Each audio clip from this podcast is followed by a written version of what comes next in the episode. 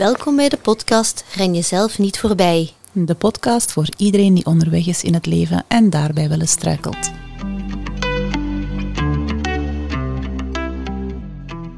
Hallo, goedemorgen. Dag Karen. Goedemorgen. Fijn dat je er bent. Ja, Dag Jessica ook. Hey Priska. Hallo. We hebben vandaag een gast hallo. in ons midden. Ja, het is eh, een gast via Zoom deze keer. Ja, en na de technische shizzle Ja. we toch. Hè?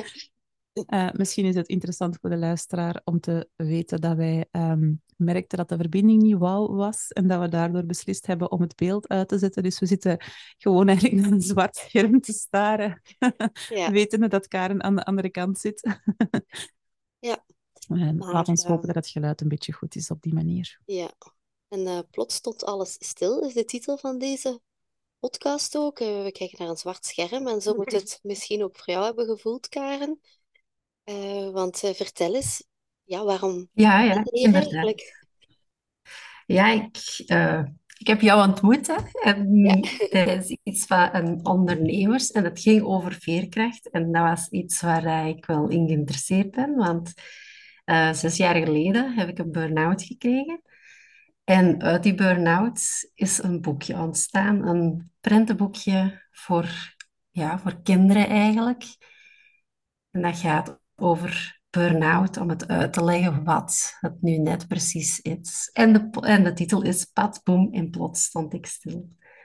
Ja, even voor de luisteraar. Het gaat dus over eh, Karen eh, van Donink uit Geel. En jij bent ook juf, Karen. Hè? En eh, Ja. zelf ook een burn-out meegemaakt. En je hebt dan eigenlijk dat moment aangegrepen om iets te zoeken. Ehm, iets wat dat je terug ja, in gang zette. Is het zo gegaan met het boekje?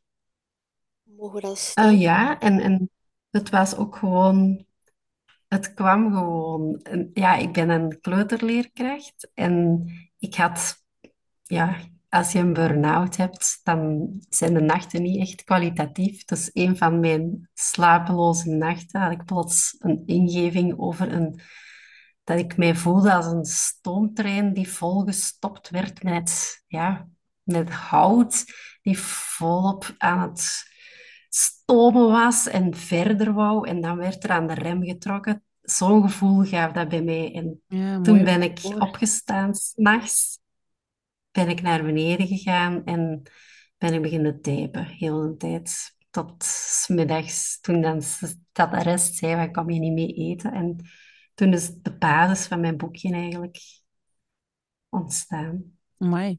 En deed jij dan ervoor soms ook al iets met, met creatief schrijven of tekenen of zo? Of, of is dat echt gewoon iets dat je nu hebt ontdekt dat je dat blijkbaar wel kunt dan?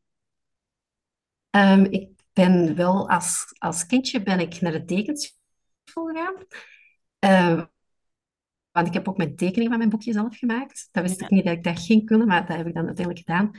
En het schrijven, ja, ik dichtte wel graag, maar dat is eigenlijk wel iets wat ik geleerd heb tijdens mijn burn-out. Ja, daarvoor wist ik dat eigenlijk niet dat dat in mij zat. Zot, ja. Zeg, en, en ja, ik, ik ken u helemaal niet, dus voor mij is het echt wel eh, spannend om, om u op deze manier te leren kennen. Vertel eens misschien hoe dat, hoe dat jij zo bent beginnen voelen van, eh, ja, die stoomtrein, dat is, dat is waar ik in terecht ben aan het komen. Die, ja, die signalen die dat je bij jezelf gemerkt hebt. Ja, eigenlijk begon dat al heel vroeg, denk ik. Ik ben altijd perfectionistisch geweest. hè. Hoogsensitief, perfectionistisch. Dat is de ideale combinatie om later in een burn-out terecht te komen. En ehm, ja, al als kindje, in het eerste leerjaar heb ik dan ontdekt dat het allemaal een beetje moeilijk was op school. Pas in het vierde leerjaar hebben ze ontdekt dat ik dyslexie had. Mm. Maar ik heb dan wel heel de tijd moeten vechten, vechten, vechten. En ja, ik was een vechtertje. Ik had zoiets van, ja, als jullie zeggen dat het niet gaat, dan zal ik eens laten zien dat het wel gaat. Mhm. En ja, in de loop der jaren, a- als jullie zeggen dat ik technisch moet doen, dan zal ik eens laten zien dat ik wel moderne kan. Ik heb dat ook volgehouden tot zesde. Maar ja, dan ben je daar al wel aan het opbouwen voor een burn-out te kweken. Want ja, je zei altijd maar aan het verder doen. En ook al ben je super moe. Ik heb ook mijn eerste testen van fibromyalgie heb ik al op mijn 18 jaar laten doen. Dat ze zeiden van, nu heb je het nog niet, maar je bent wel al de goede weg aan het opgaan. Dus toen had ik zo het net niet. En dan, ja, ja, dat is dus geëvalueerd naar altijd je best willen doen. Dan zijn de kindjes erbij gekomen, Extra waardoor dat ik dat ook nog perfect wilde doen. Ja. En ja, dat was een zware combinatie van geen goede nachten en dan op voor school alles goed doen. Als het kindje wat groter was, om acht uur kindje in bed en dan tot één uur s'nachts nog blijven verder werken voor school en dan 's morgens terug alles geven. En ik denk dat dat zo de basis is. En dan uiteindelijk ja, begon ik overal, ja, die fibromyalgie is er dan doorgekomen. Maar dan ben ik nog altijd blijven verder gaan. Ja, als mensen dat nu misschien niet kennen, fibromyalgie, dat is dat je gewoon overal pijn hebt. Dat je spierpijnen hebt. Eigenlijk voel je je zoals dat je griep hebt. Maar dan constant, als je aan je lichaam komt, dan is dat precies dat je aan een blauwe plek komt. En je bent ook constant moe. En zo heb ik dat dan jaren volgehouden. Totdat dan op een gegeven moment ik nog heel vrolijk in de klas stond voor de buitenwereld. Want wij zetten een maskertje op. Mm. En ja, ik kon niet meer. Het was eigenlijk op. En de dokter heeft eigenlijk aan mijn rem getrokken in plaats van dat ik dat zelf heb gedaan. Die vroeg dan van hoe ver wil je gaan? En dan heb ik gezegd, ja, ik ken iemand die volledig niks meer kon en die echt terug heeft moeten leren stappen, leren praten. Dat wil ik zeker niet. En die zei, dan zou ik nu deze avond stoppen, want je zegt gewoon op weg. En dat was even confronterend, maar dan ben ik wel gestopt. En hoe lang is dat nu geleden? Ehm, zes jaar. Ja. En dan, dan wordt er inderdaad aan uw rem getrokken en wordt er gezegd, je moet thuis blijven. Wat dat voor ja, iemand die met volle overtuiging en passie haar werk doet en altijd flink en sterk heeft leren zijn, ja, echt niet gemakkelijk moet zijn. Hoe, hoe, hoe was dat dan voor u? Ja, op dat moment hebben we het gevoel dat je er alleen voor staat. Dat je faalt, heel erg faalt. Dat je iedereen in de steek laat. Maar ook wel heel moeilijk dat, dat je echt wel alleen bent. Want de rest gaat door. En, en jij zit zelf ja, alleen thuis. Terwijl dat je nog altijd dat hevig vuur in je voelt. Dus dat is lastig. Ja, ook omdat je gewend was om altijd door te gaan natuurlijk. Het, het was jouw strategie, misschien niet de beste. Ja, ja, ja. Dat is... Ehm, Nee. dan ineens is er ja, een hele plotse stilstand, alsof er een muur is en een stoomtrein ehm, die helemaal eh, tot stilstand wordt gebracht. Dat moet Mhm. wel moeilijk zijn geweest. Ja, dat was heel moeilijk, want ik heb heel veel berichtjes nog gestuurd. Als ik van thuis uit kan helpen, laat me weten. En ja, zo, Ja. echt nog zo half flink proberen Ja, ja. helemaal te moeten accepteren. Voor dat dan, ja, voor dat echt los te laten. Maar ja, zij wilde mij dan niet belasten, dus dan zei ze, nee, nee, nee, het gaat wel. Oké. Want dat, dat is ook wel iets wat je dan soms hoort, hè, van je vindt het dan zelf al moeilijk en als je dan nog eens een keer op onbegrip stuit, is het nog moeilijker. Maar ik, ik hoor precies dat ze dat bij u wel accepteerden en dat ze eigenlijk juist u wel in, daarin wouden ondersteunen. Ja, sommigen wel, ja. Maar ja, niet iedereen. ja, nee, natuurlijk niet iedereen. Mhm, mhm. Maar eigenlijk heb ik heel veel positieve reacties wel gekregen, zo ook in mijn vriendengroep. Dat ze zeiden van, ah, we- als we afspreken, spreken we in de dag af en we spreken s'avonds af, maar we zien dan dat we zeker om acht uur terug thuis zijn, dat Karen in haar bed kan kruipen. En Ah, dus dat was wel heel lief. Ja. Ja. Die eerste periode, eh, hoe lang heeft dat dan ongeveer geduurd? Ehm, de echte periode van stilstand, zo, ja, dat de energie Oh. totaal weg was. Ehm, de, ja, ik ben anderhalf jaar thuis geweest. Ja, ja. Dus ik heb een half jaar nog een beetje gesputterd, denk ik. Want ik had nog altijd zoiets van, ik moet, dat was, ik ben allee, thuisgebleven in maart, april. Dat was met de paasvakantie. En ik had nog altijd iets van, ik moet in september terug in mijn klas staan. Mhm. Echt zo'n deadline Dus ik had ergens nog... Ja, en dat was zo van, ik mag me toch nog niet volledig geven, want ik moet er dan terug staan. Mhm. En dan uiteindelijk ben ik mijn job op die school kwijtgeraakt. Ehm, omdat ik het toch niet aankon, blijkbaar. Dat kwam heel hard binnen, dus ik dacht dat ik al op het einde van mijn...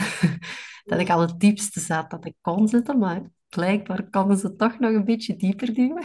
Over begrip en onbegrip gesproken. Ja. En dan ja, had ik geen job. Ik had geen klas, dus toen ben ik nog even dieper gegaan en dan dat volledig jaar ben ik dan thuis geweest. Dus dat was toen echt wel, en ik had dat jaar echt wel nodig ook. Maar ja, ik was ook al heel lang aan het in overdrive gaan. Ja, Ja, en, en ik weet niet hoe dat, dat bij u was, maar ik, ehm, ik ben zelf een tijdje dan thuis geweest na de bevalling van mijn jongste zoon. Ehm, en in het begin, hè, je zit dan ja, in ziekteverlof en je krijgt dan zo drie weken. En dan heb je altijd het gevoel, ja, na die drie weken moet ik er dan wel terug staan. En dan werd dat nog Mhm. verlengd met een maandje. En dan dacht je, oké, dus na die maand moet ik er staan. En het was pas toen dat op een bepaald moment een arts mij, ik geloof, vier maanden meteen schreef, dat ik zoiets had van, oef, oké, ik heb echt wel de ruimte om hier rustig door te komen. Heb je dat ook zo ervaren? Ja, ja, eigenlijk wel. Want ik, ik heb dan eerst, ik ben twee weken voor de paasvakantie uitgevallen en dan heb ik twee weken gekregen. Mhm, En dan had ik ook zo van, ja, ik wist van mezelf, dat is te weinig. Mhm. Maar ik had wel van, je moet niet meer schrijven. mhm. Allee, want ik ga dan wel terug, Ja, ja, terug ja. kunnen beginnen. En ja, en dan, ja, in het begin schrijven ze niet zoveel, maar dat is denk ik ook bewust, omdat, ja, vroeger ging ik naar mijn huisarts en je zei, ja, ik mag niks schrijven zeker, want ze hebben nu nodig op school. Ja, En dan zeg ik ja, ook al was ik keiziek, dat was toch naar school gaan. En, en ook Mm, al kon ik niet, ja, ik was er wel. mhm, Dus die wist al, ik moet niet te veel schrijven. Dus ik denk dat die dokters weten, we moeten met klein beetjes beginnen, want die, wij zitten zelf ook in een aanvaardingsproces. proces. mhm. Want wij willen ook niet zwak zijn en we willen niet tonen dat het niet lukt. Maar als we zo nee. even thuis zijn, merken we van oei, ik heb dat echt wel nodig. Mhm. En ook ergens hoe naïef in het begin dat je denkt, ja, ja, een paar weekjes gaat genoeg zijn. ja. Hè? Ja, echt.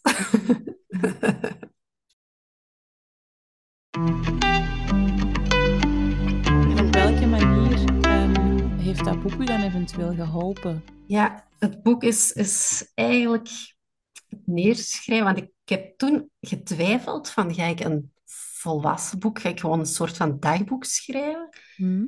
Of maak ik het zo? Maar ik heb dat toen, mijn gladversie toen, de allereerste versie, voorgelezen aan mijn zoontje.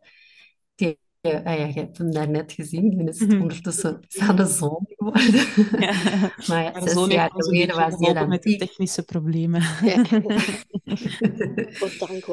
En, en toen was hij dus tien jaar en ik las dat voor en die zei tegen mij van, mama, dat treintje, ben jij dat? En ik dacht, oh, die herkent dat direct. Mhm. En toen dacht ik, oh, ik zou hier zoveel mensen mee kunnen helpen, want burn-out is zoiets abstract dat, Mhm. ja, ook heel vaak negatief van, ja, ja, een burn-out. Profiteur. daar zo over wordt gezegd, maar Ja. ja, ja, en, en toen had ik zoiets van, oh, ik ga daar mensen mee kunnen helpen. Maar ik heb dus wel nog heel lang moeten wachten voor ik het einde had. Want ook al was ik terug gaan werken en zo, ja, dat einde van dat boek kon ik nog altijd niet schrijven. Dat einde is er eigenlijk pas twee jaar geleden gekomen, het einde van het boek. Omdat je zo... Dus ook al, Ja, is dat omdat je zo'n soort van afronding zocht en, en pas vond dat je dat kon, je ja, had van echt het gevoel dat er dat achter u was of zo?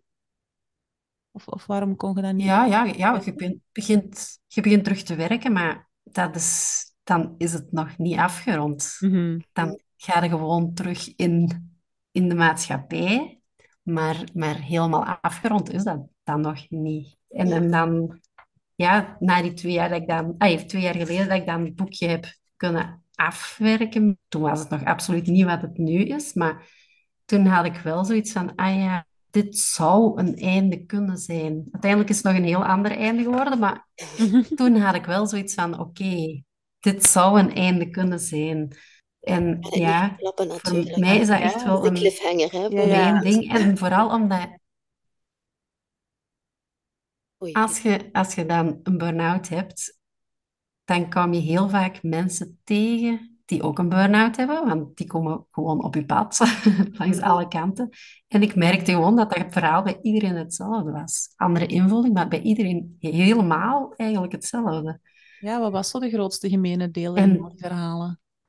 Wat ik, als ik mijn boekje open doe, dan zie ik van constant aan anderen denken, Hm. jezelf eigenlijk wegcijferen en daardoor ja, ook altijd heel onzeker zijn over jezelf, van heb ik wel het juiste gezegd en, en, en ja, geen, niet zoveel zelfvertrouwen.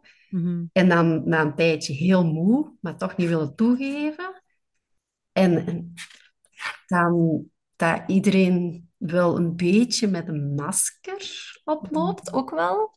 Dat ze altijd doen alsof dat alles in orde is en vrolijk zijn en anderen helpen, maar diep van binnen toch eigenlijk ergens wel ongelukkig zijn. Ja, ongelukkig is misschien niet het juiste woord, maar toch, Voelen dat er iets knaagt. ja. Mhm.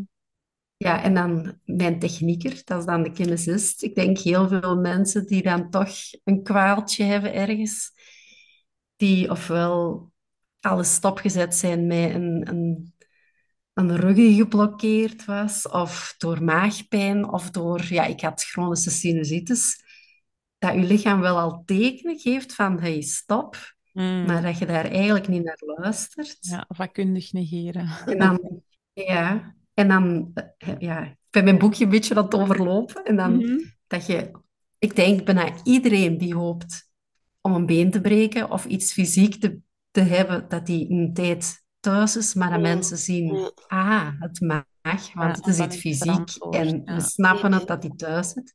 Ik denk dat iedereen met een burn-out zo'n moment heeft. Ja. Allee, denk ik. En angsten, hè. Heel veel angsten. Dat, Ja, waar je heel veel paniekaanvallen krijgt. En die dingetjes, denk ik, dat, dat hoor ik bij iedereen. En waar, waar gaan die angsten dan precies over? Gaat dat er inderdaad over niet terug kunnen functioneren in de maatschappij? Of? Nee, nee, niet, nee, niet per se. Dat, dat ging bij mij ook heel hard over mijn kinderen. Ik had bijvoorbeeld, ik heb een brug waar ik over moet. En ik was gewoon elke keer als ik die brug over moest, over het kanaal, dat ik kei bang was dat ik erin zou rijden. En dat, dat, dat ik, welk kind zou ik dan Ah ja, eerst losmaken uit een autostoel? En meer zo'n angst. Niet echt Oh. angsten in verband met burn-out of, of zoiets, maar gewoon ja, angsten in het leven. Dat je overal, en dingen die daar vroeger vanzelfsprekend gingen, die echt heel veel moeite beginnen kosten. Dat, dat je denkt, oh, maar dan ben ik dus blijkbaar ook niet goed in. Mm. Ja. Ja, zo. Van Dat is die echt wel dingetjes allemaal. Existentiële angst, zo, hè? Ja. Nee, wat je nog zei daar net over. ehm, ja, ik wou dat ik dan iets anders had. Een been brak of, of echte griep kreeg. Of dan kon ik het tenminste uitleggen. Dat is zo herkenbaar. Mhm. Ik heb dat al bij verschillende cliënten opgemerkt. Die dan zo zeiden, ja, maar dit is toch niet serieus genoeg om daarvoor thuis te blijven. Iedereen heeft het toch wel eens moeilijk of iedereen heeft Mhm. iets. En dan Of een beetje druk. ja, altijd redenen Ja. zoeken. Ze zegt, ja, precies of ik dan de redenen aan het zoeken ben.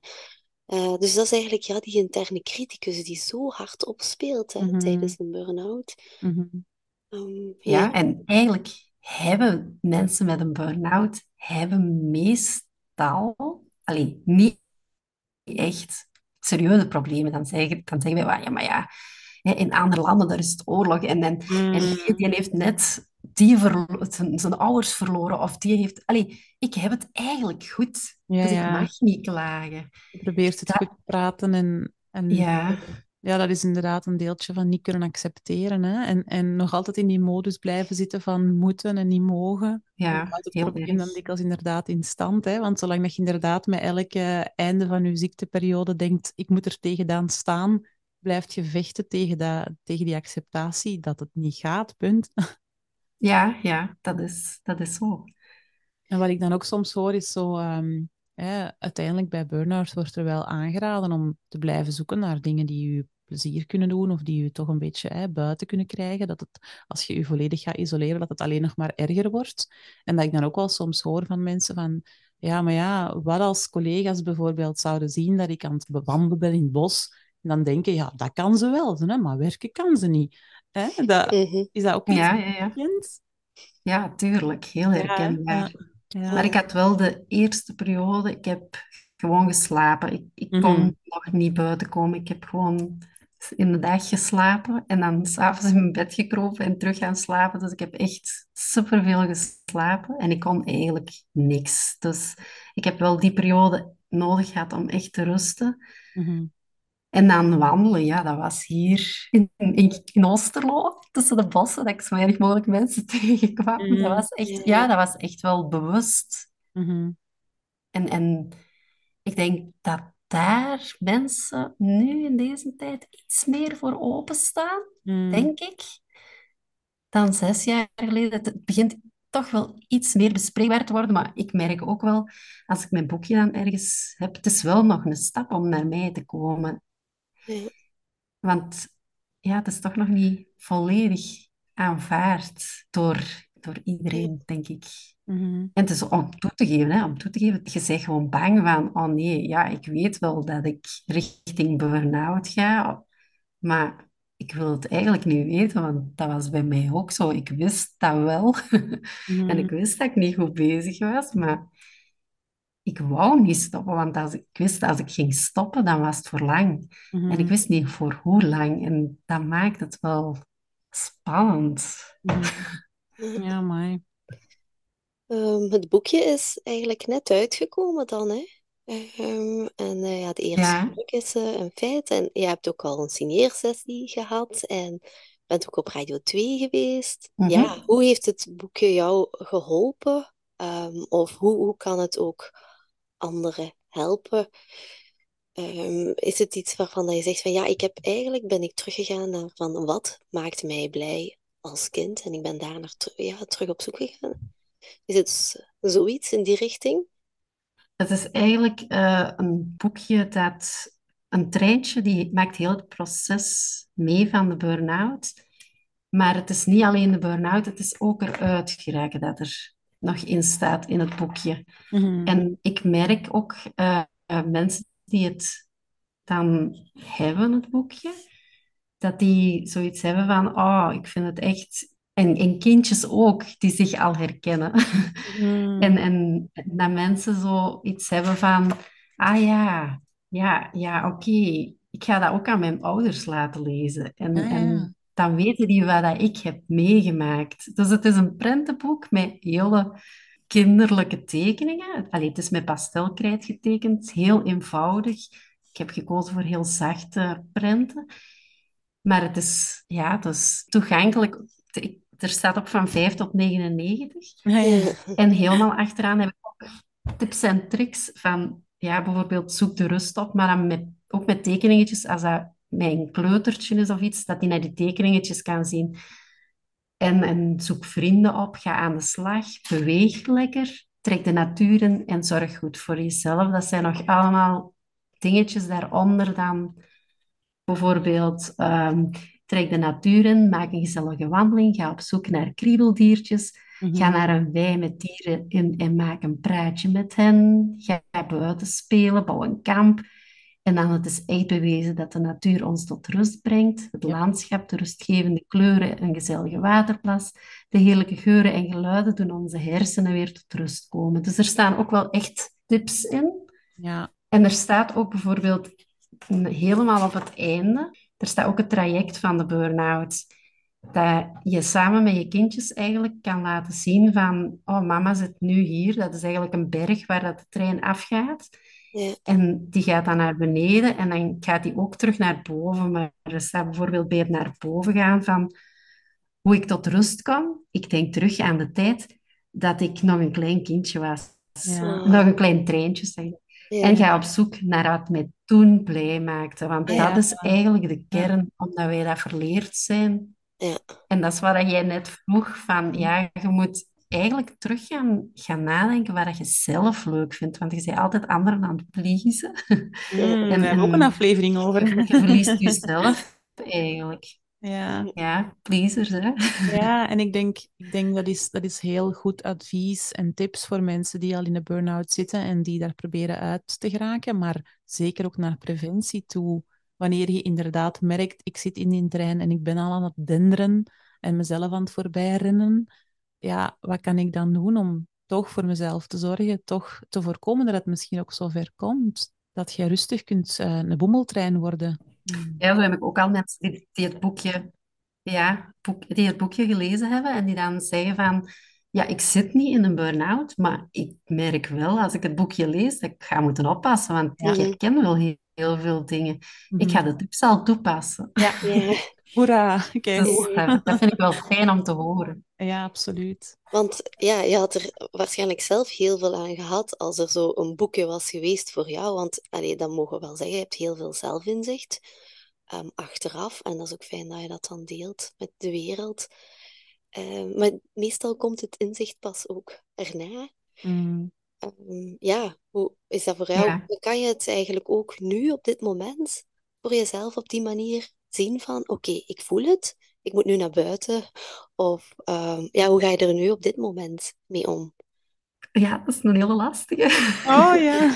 Want uiteindelijk, heerlijk. ja, je bent nog steeds degene... Ja, ik ben nog altijd dat treintje, hè. Ik ben nog altijd degene die graag voor anderen zorgt en ik ben nog steeds degene die lief wil zijn voor anderen en, en dan mijzelf wel eens achteruit durft schuiven, maar ik voel het wel veel sneller en ik heb wel zoiets van, oh ja, ik wil, ja, ik wil nu wel eens even buiten gewoon. Al is maar een kwartiertje buiten, even een, een, een blokje rond of zo, gaan wandelen, gewoon om die buitenlucht. En dat doet mij dan wel echt deugd. Mhm. Of op tijd in mijn bed kruipen, of, of zo'n dingen doe ik wel. Ja. Ja, je, je, je gaat wel iets aan jezelf moeten veranderen, Mhm. want anders gaat het daar... Ja, je hoort wel mensen die twee of drie keer in een burn-out geraken. Hè? Ja. Ja, ik zeg vaak tegen cliënten dat, dat het één ding is om, om te leren voelen wat dat je lichaam je probeert te vertellen. Dat het dan een ander ding is om dan te zoeken naar wat kan mij daarbij helpen. Maar ik denk de allermoeilijkste stap is vaak jezelf toestemming geven om dan datgene voor jezelf te doen wat je nodig hebt. Ja, Mhm. Want als er inderdaad zo een heel verhaal is van ik ben niet zo belangrijk en anderen zijn belangrijker en wat gaan anderen denken, ja, dan, dan denk je soms wel, ik heb daar nu nood aan en ik weet misschien zelfs hè, wat ik kan doen, maar nu even niet. Want, Mhm. want eerst nog al de rest, eerst nog even dit, eerst nog even dat. Ja, Dan loopt inderdaad. Ja. En dan, Ik denk dan dat zie dat ik ook- bijvoorbeeld vanuit mijn, mijn expertise rond voeding, en dat dan een van de enige oplossingen die mensen kunnen bedenken die wel snel en gemakkelijk is en waar de anderen niet te veel last van hebben, is dan eten. Hè? Ja. ja, Ja, dat staat ook bij mijn dingetje van gezond. Allee, eigenlijk van zorg goed voor jezelf. Daar zit eten ook bij. Mhm. Dat, Mhm. en veel water drinken. Mhm. Dat is voldoende nachtrust. Ja, dat zijn zo toch wel dingen die daar op zo'n momenten vergeten worden. Ja. vaak. Het is eigenlijk zo ja, de basis van alles. En eigenlijk, ja, diep van binnen weten we wel wat we zouden moeten doen best voor onszelf. eh, en toch eh lijken we onszelf steeds voorbij te rennen. Ja. Nog even over zo het creatieve proces. Dat vind ik wel heel interessant zo. eh, hoe dat, dat, je- dat eigenlijk je, je brein tot rust brengt. Zo het kleuren zelf, het tekenen. Ehm, ja, hoe heb je dat Ja. ervaren? Ja, ik ben dan in het begin van mijn burn-out, alleen niet, eerst, niet dat eerste halfjaartje, maar dan dat jaar dat ik een volledig jaar thuis ben geweest, ben ik terug naar de, naar de tekenacademie gegaan. En daar heb ik dan ja, terug dat opge, geraapt. Mhm. Dat is zo, er was een nieuwe opleiding waar je zo vier verschillende dingen kon doen. En dat was tekenen, schilderen, poetseren en druktechnieken. En dat over een jaar gespreid. En een van de eerste lessen was werken met pastelkrijt. eh, met met eh, houtskool. En ik had iets gemaakt en ik dacht altijd, ja, ik ben al heel mijn leven naar de tekenschool gegaan, maar dat, ja, dat, ik kon dat niet. Allee, er waren er altijd die beter waren, weet je wel. Mm. En- vergelijken. Ja. En toen had ik zoiets van, oh, eigenlijk wat ik nu gemaakt heb, eigenlijk is dat wel best oké. Vind ik dat wel mooi. En toen zei hij van, ja, en die krijtjes, dat heb je ook in, in kleurtjes. En dat is pastelkrijt. Ja. En toen ging ik voor iedereen die iets voor mij betekende, heb ik toen een, een gedichtje gemaakt, echt op maat van waarom dat ik die zo apprecieerde in mijn leven. En dan had ik daar een tekening bij gemaakt, in pastel dan. En dan hadden die allemaal zoiets van, hé, hey, daar moet iets mee doen. Ja, en dan is dat zo, ja, zo verder gerold. En ja, ik kan er echt van genieten. Maar ja, ik heb er te weinig tijd voor, erg. hè? Mm. Maar toch Dus- met de kaartjes die je ook zelf ontwerpt, eh, Ja, ja, kan je Ja. daar misschien wel toch nog ja, een beetje je, je ding vinden. En dat is wel belangrijk. Ja, ja, ik vind dat... find your why, zeggen we soms, je waarom vinden. Hè? En ja, dat is wel belangrijk. Voor de ene kan dat bewegen zijn, voor de andere koken, voor de andere tekenen. Maar ergens iets waar dat je zo van in een rustige staat geraakt. eh, En een beetje... Ja, en ik vind het ook van, ja, mijn kaartjes, het tekenen op zich, want ik heb dat ooit eens, kan zelfs bij jullie in de podcast of ergens gehoord, van, hè, teken je eigenlijk gewoon? Is het het tekenen dat je heel leuk vindt, of is het het resultaat delen met anderen? Zou je even graag tekenen als je gewoon, als niemand het resultaat zou zien? Ja, ja. En ik vond dat zo wel een hele, een heel interessante om over na te denken. Want ik dacht, ja, is dat? En dan denk ik, ja, nee, eigenlijk teken ik wel dat anderen daar dan ook gelukkig van kunnen worden. Want die kaartjes zijn wel bedoeld om anderen dan een glimlach op hun gezicht te toveren. En ik maak ook tekeningen op maat. Ik maak heel veel rouwtekeningen ook. Ah, mooi. En dat vind ik, ja, ik vind het heel plezant om dan iets te kunnen betekenen op die moment voor die mensen. En dan, ja, ik word daar warm van, van die reactie dan gewoon. Mm. Dat is heel plezant.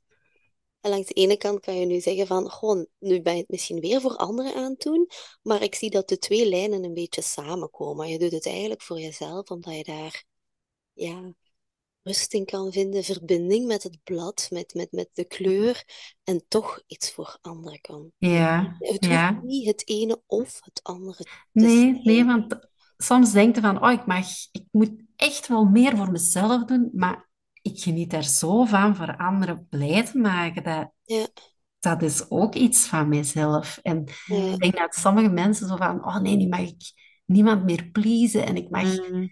Maar je kunt dat ook op een andere manier. Ik denk ook Ja. van mijn boekje.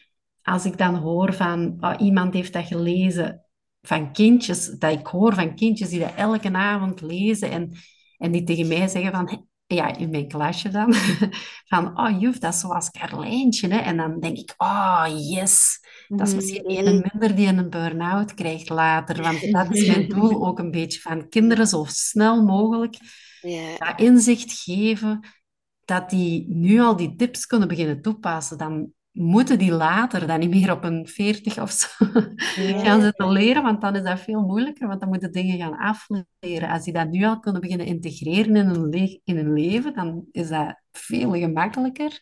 Mhm. mooi. Ja, Ja, you're on a mission. Ja, Ja. on a mission. Ja, ja, dat is echt.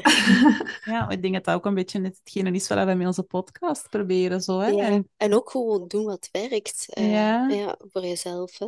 Ja, Ehm, ja, het is, het is altijd leuk als je inderdaad merkt dat bepaalde dingen die dat jij uit, allee, uitdraagt en verkondigt, dat mensen daar iets aan hebben. Dat, dat, ja, dat is fijn. Ja, Inderdaad wel een warm gevoel van hm, herkenbaar. ja, dat is gewoon super. Dan denk ik, ja, die burn-out, in het begin zag ik dat als iets negatiefs. En nu denk ik, wauw, dat is iets keigoed, want ik kan er anderen keihard mee helpen die dan misschien niet meer in een burn-out geraken. En Mhm. toch inzicht te krijgen, want op zich, ik, ik voel mij wel veel rijker als voor mijn burn-out. Ja. Dus Ja, dat is eigenlijk heel mooi gezegd. En dat is misschien ook heel mooi ter afronding Mhm. van deze podcast. Ehm, ja, ik heb je op die avond leren kennen. Eh, inderdaad, als zo'n hele sympathieke springend veld. En ik vond het heel fijn dat je je verhaal hebt gedeeld. En eh, ja, dat ik de andere Karen heb leren kennen, maar ook dat je ja, daar zo open over bent eh, via het boekje. En dat we dit ook zo op die manier mogen delen. Ja. Dank Ja, dank daarvoor. u. Ja. Is er, is er nog zo een, een laatste take-home message die dat je onze luisteraars zou willen meegeven?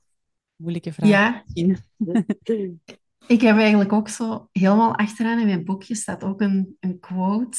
En, en dat vind ik een heel... Die heeft mij soms mijn ogen wel doen openen van... Wees mild en lief voor jezelf als voor je beste vriend. Mhm. Ja. Want vaak dan zeg je van, oh nee, dat, dat trekt op niks. Of, of oh, dat heb ik niet goed gedaan. Of, maar voor, een, voor uw vriend zou je nooit zo streng Mhm. Mhm. En dat is denk ik een heel belangrijke om te onthouden van, wees gewoon een beetje liever voor jezelf. Maar dat kun je niet zomaar, maar denk van, zou ik dat ook tegen mijn beste vriend zo doen? Ja. En ik denk dat dan een gemak... Allee, dat is gemakkelijk om dan te denken, ah oké, misschien ben ik wat te streng voor mezelf. Ja. Op die manier. Dat is een eh, hele mooie tip. En Ja. je, je kan daarbij zelfs jezelf toespreken. Hè? In je eigen naam. Hè? Mhm. En die aflevering over de interne criticus en de interne vriend. eh, Ja, daar moeten we ook eens werk van maken. Bij deze weer een bruggetje. Ja, we hebben alweer een onderwerp voor een volgende aflevering. Ik Nee, ga Karen, heel erg bedankt voor, ehm, ja, voor je tijd. We wensen je ook nog heel veel succes met Snoetjes vol Sproetjes. Met je boek, Padboom en Plots stond ik stil. Dankjewel. Absoluut. En eh, ja, nogmaals bedankt om eh, onze gast te willen zijn. Heel graag gedaan. Dankjewel dat ik mocht, mocht bij jullie in jullie podcast komen. We helpen graag eh, de boodschap uitdragen. Ja. Super. Oké, tot nog eens. Hè. Bedankt. Salutjes! Dag. Dag.